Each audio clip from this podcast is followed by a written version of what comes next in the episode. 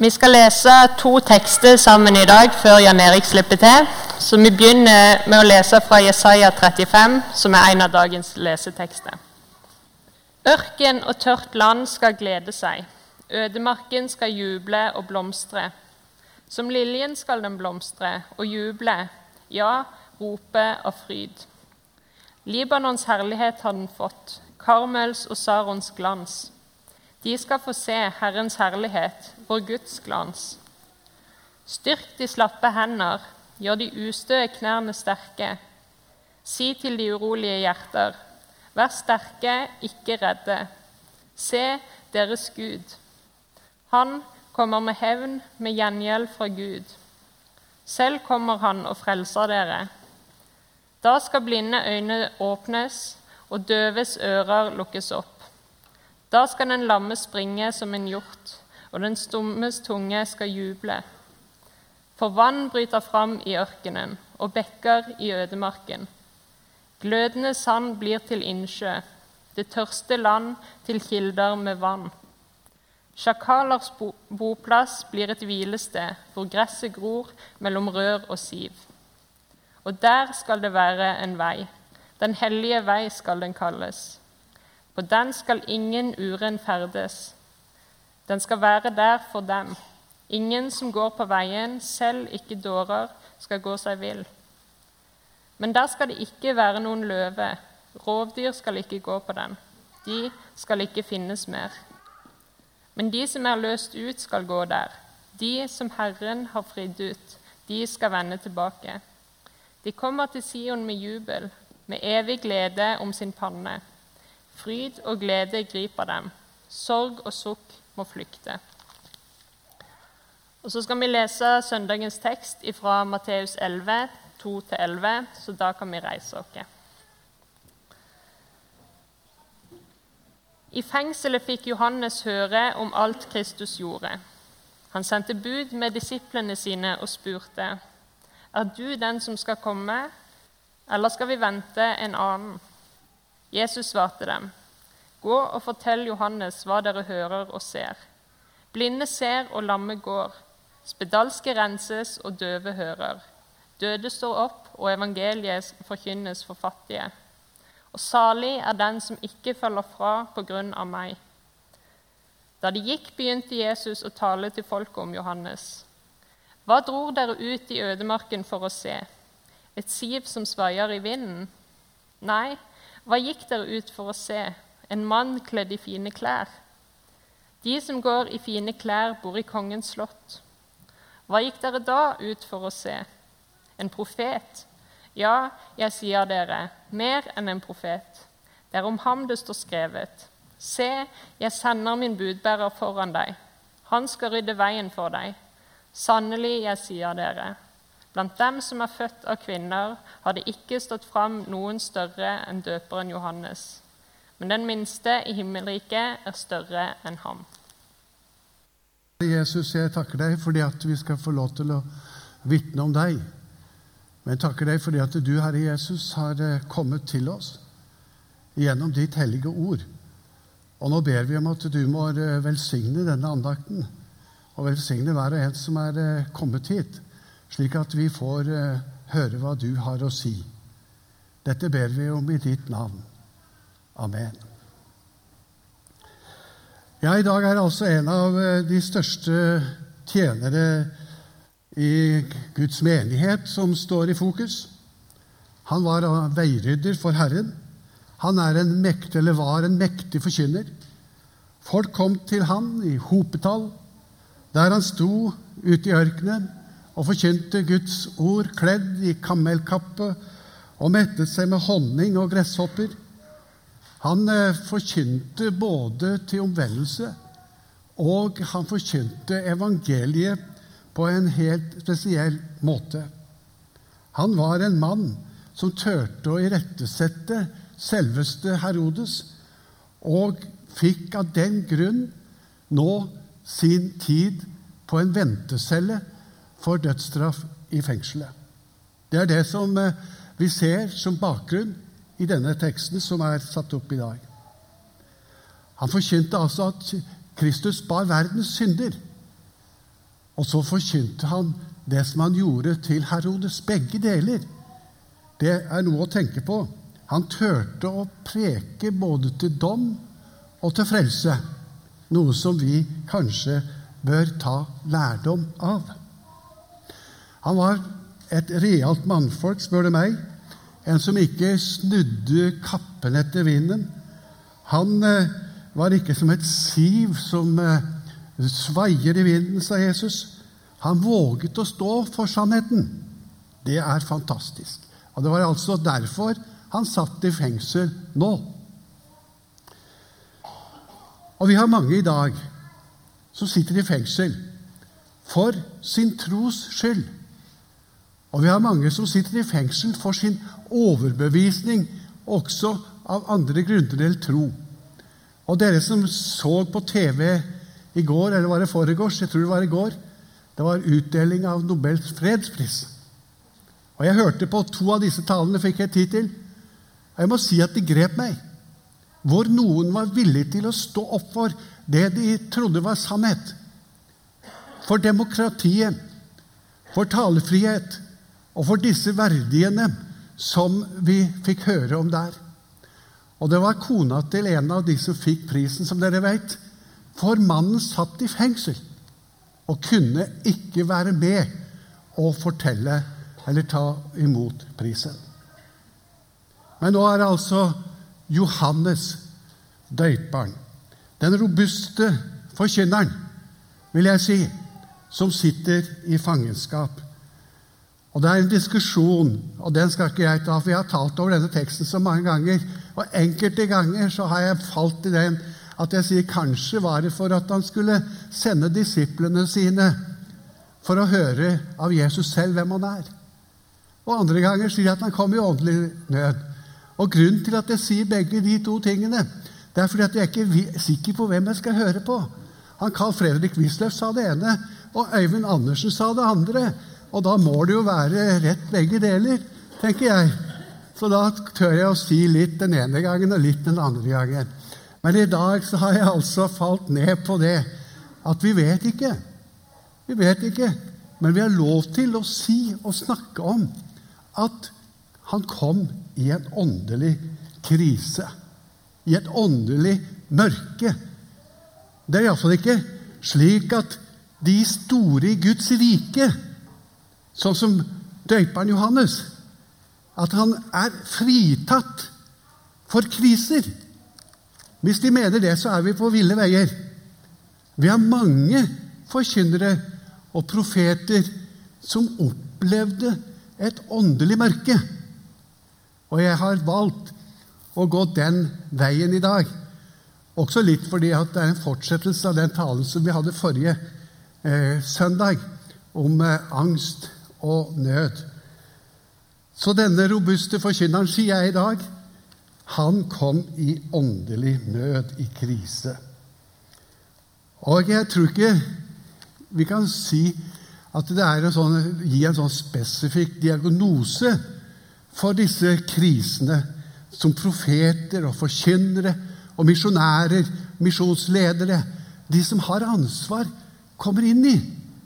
Men jeg har, har, har laget den i dag for anledningen, og jeg har kalt det for profetdepresjon. Profetdepresjon det er faktisk noe som jeg syns vi kan bruke i dag som et sånt hjelpeuttrykk. Er det noe, Går det an? Ja, jeg har sett i Gamle testamentet f.eks. et par eksempler som jeg skal ta fram nå, om noen, som, noen profeter som fikk en sånn profetdepresjon. Og en av de, han talte jeg om da jeg gikk på Kvås og Ingeborg, jeg tror du var med på det møtet.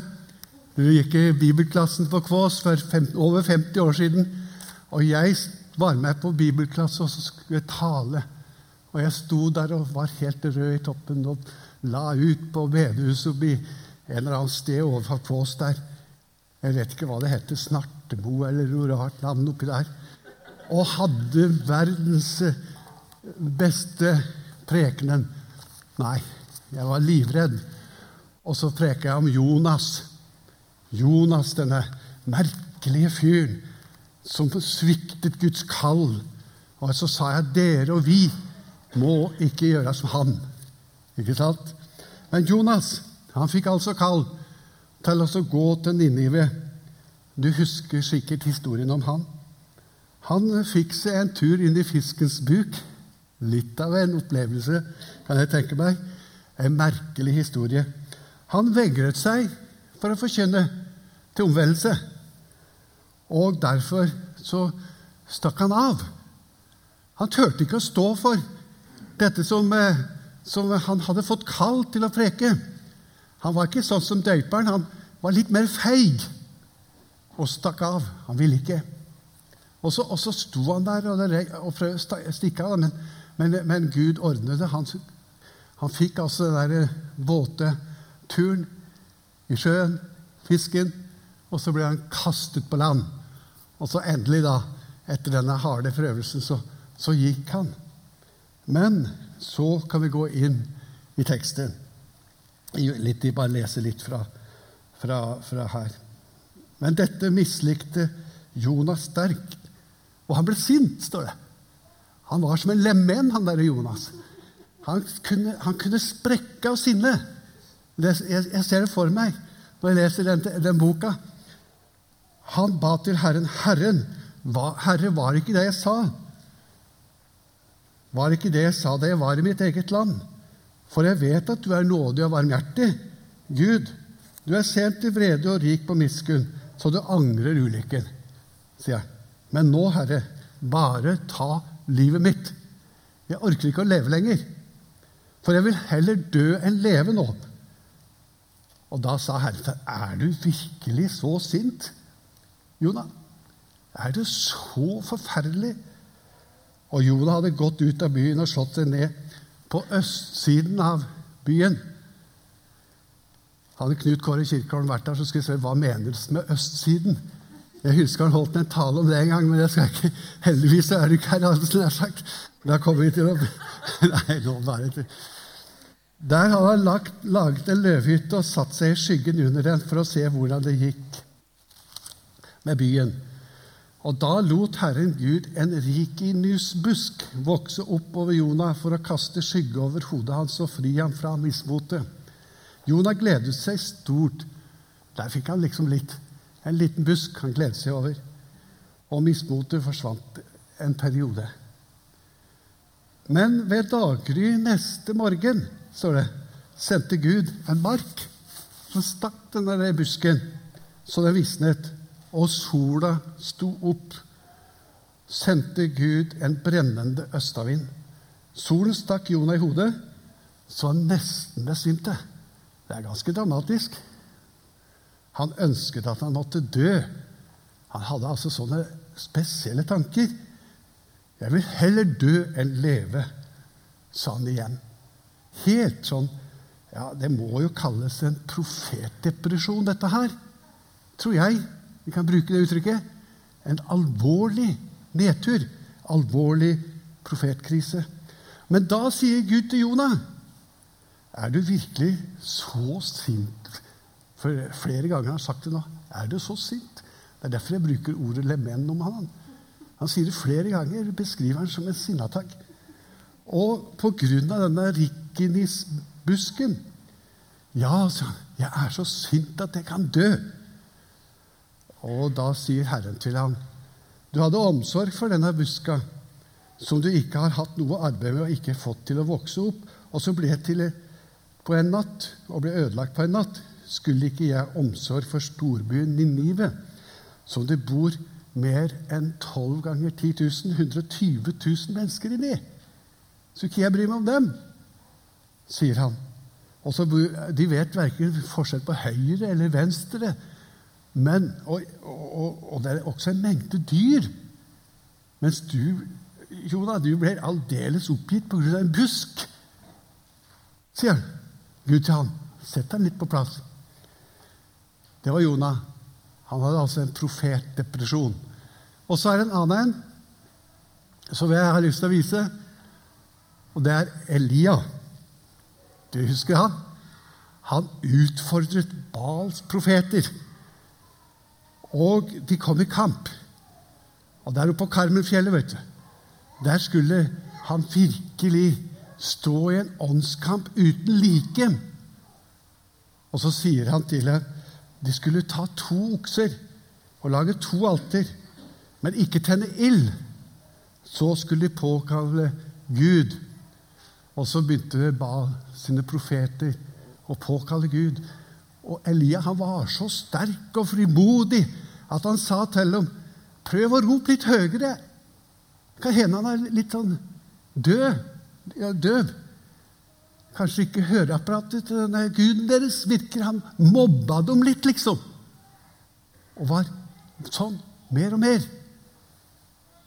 Og så skjedde det ingenting. Og så skulle han be. Og da sa han, tøm masse vann oppå veden på alteret. Han la tolv steiner for Israels folk eller stammer. Og så, og så tok han og ba. Tenn masse, masse vann. Og så lag en grøft rundt omkring. Sånn. Og fyll den grøfta med vann også. Er ikke, er ikke det ganske tøff kamp? Jeg vet ikke om det er noen her som hadde tørt å stått sånn på. Vi tør knapt å bekjenne navnet Jesus, vi, på skole og arbeidsplass. Men der sto profeten, rakrygga, og så påkalte han Gud.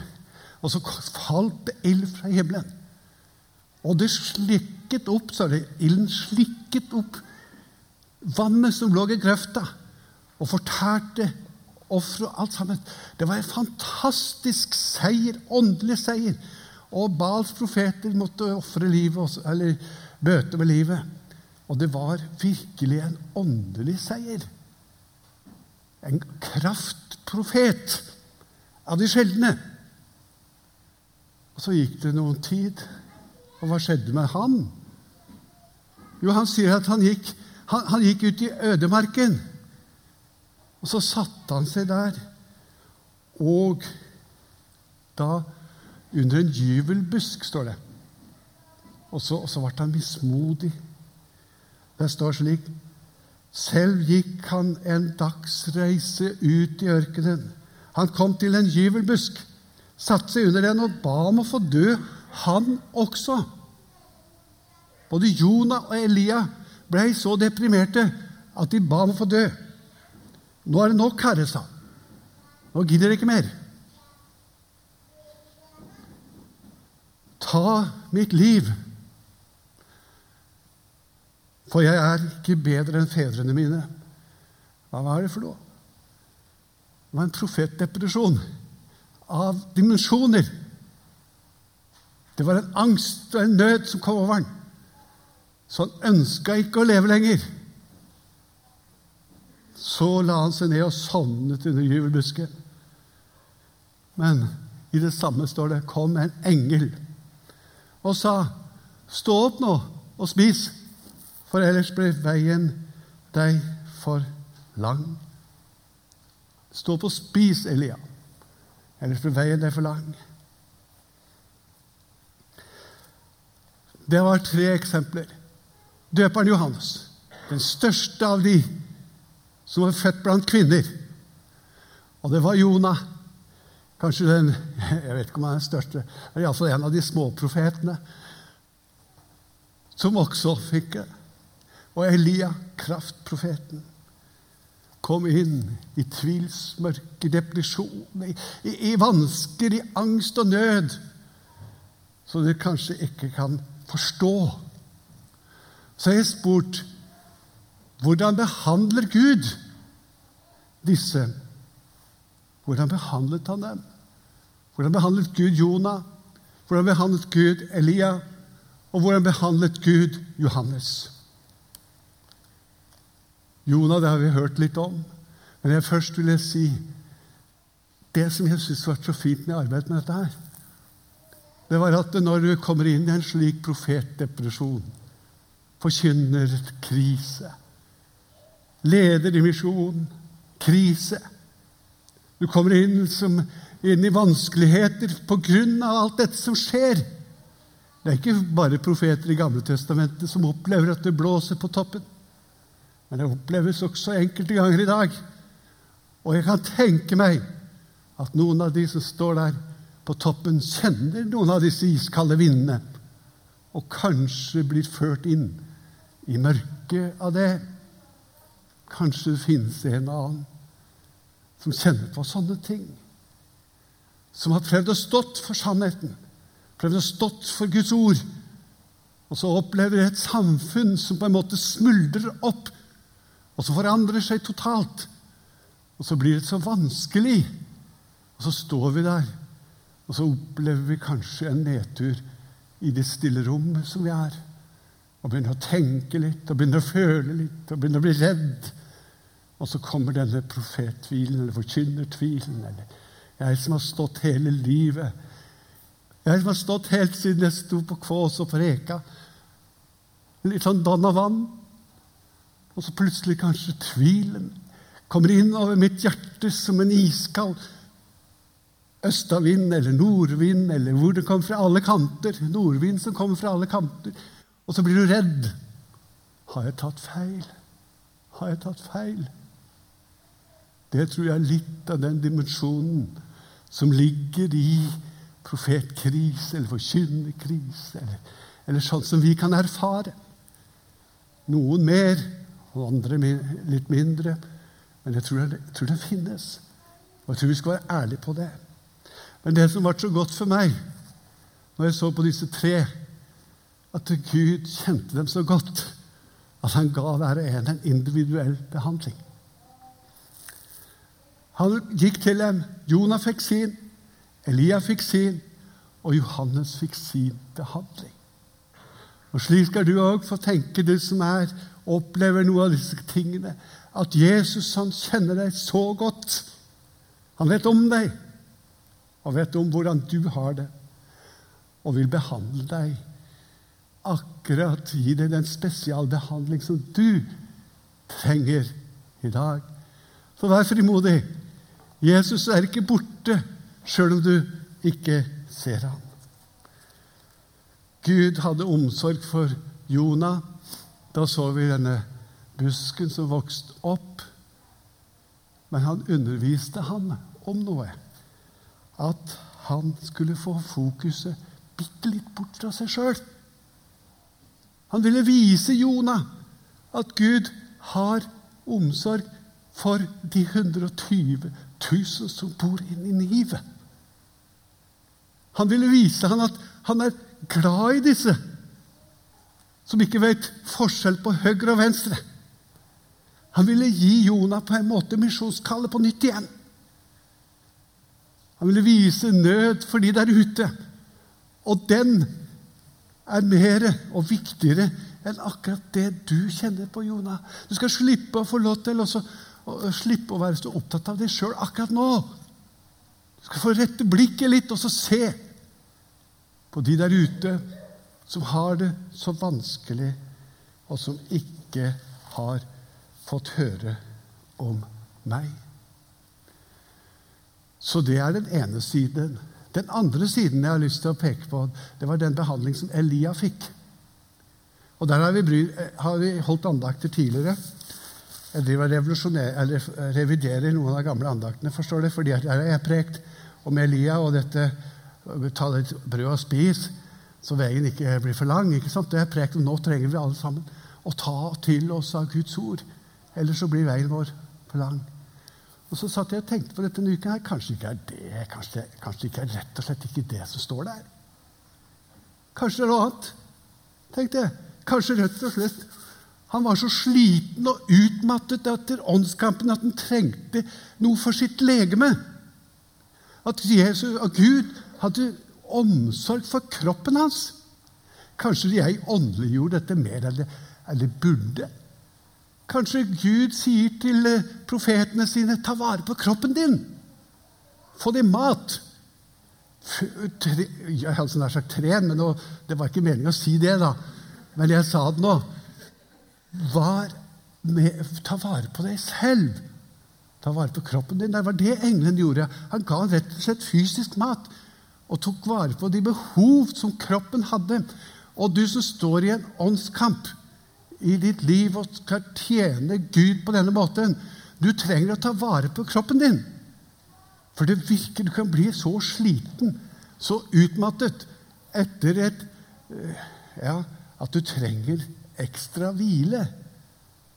Ekstra omsorg for også den delen, slik at du ikke går helt nedom. Du er et menneske.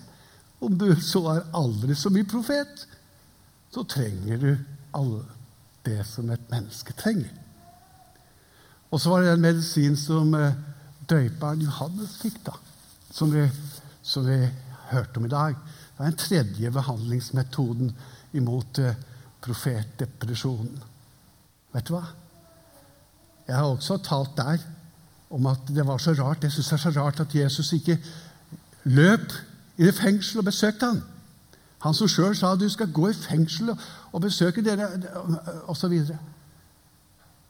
Og så tenkte jeg nå denne uka jeg, jeg skjønner ikke, Kanskje han gjorde det likevel, men det bare står ikke der. Kanskje han besøkte en annen gang. Det kan jo hende. Ikke vet jeg. Men her står det noe til undervisning for oss. Han peker på selve fundamentet i den kristne tro til den store åndskjempen. Han sier er du den, den, som skal komme, eller skal jeg vente en annen? sier, sier døperen, ikke sant? Og da er det det dypeste krise en profet kan komme inn i. Er det, er det sant? Er det sant? Har jeg bygd hele denne aktiviteten på en løgn? Noe dypere krise kan vi ikke komme inn i, tror jeg. Men da gir Jesus den medisinen som jeg er blitt så glad i. Han sier, 'Se hva som skjer.' Blinde ser, lamme går, døde står opp, eller, og døve hører, osv. Det skjer med meg, sier Jesus. Det som profeten har sagt i Det gamle testamentet om Messias, han som du har forkjent, det er meg! Det er jeg. Og på den måten så kunne døperen Johannes forberedes til å gå ned siste milen der han skulle halshugges. Da var han på en måte litt lik gamle Simon i tempelet, som sa Nå kan hun tjener fare herfra i fred, for mine øyne har sett din frelse. Det kunne ikke bli noe bedre indremedisin for den største profet enn budskap om at han som han hadde forkynt om, er en realitet. Og det du har bygd din karriere, altså nær sagt din tjeneste på, din profettjeneste på, det holder. De er fjellgrunn som består.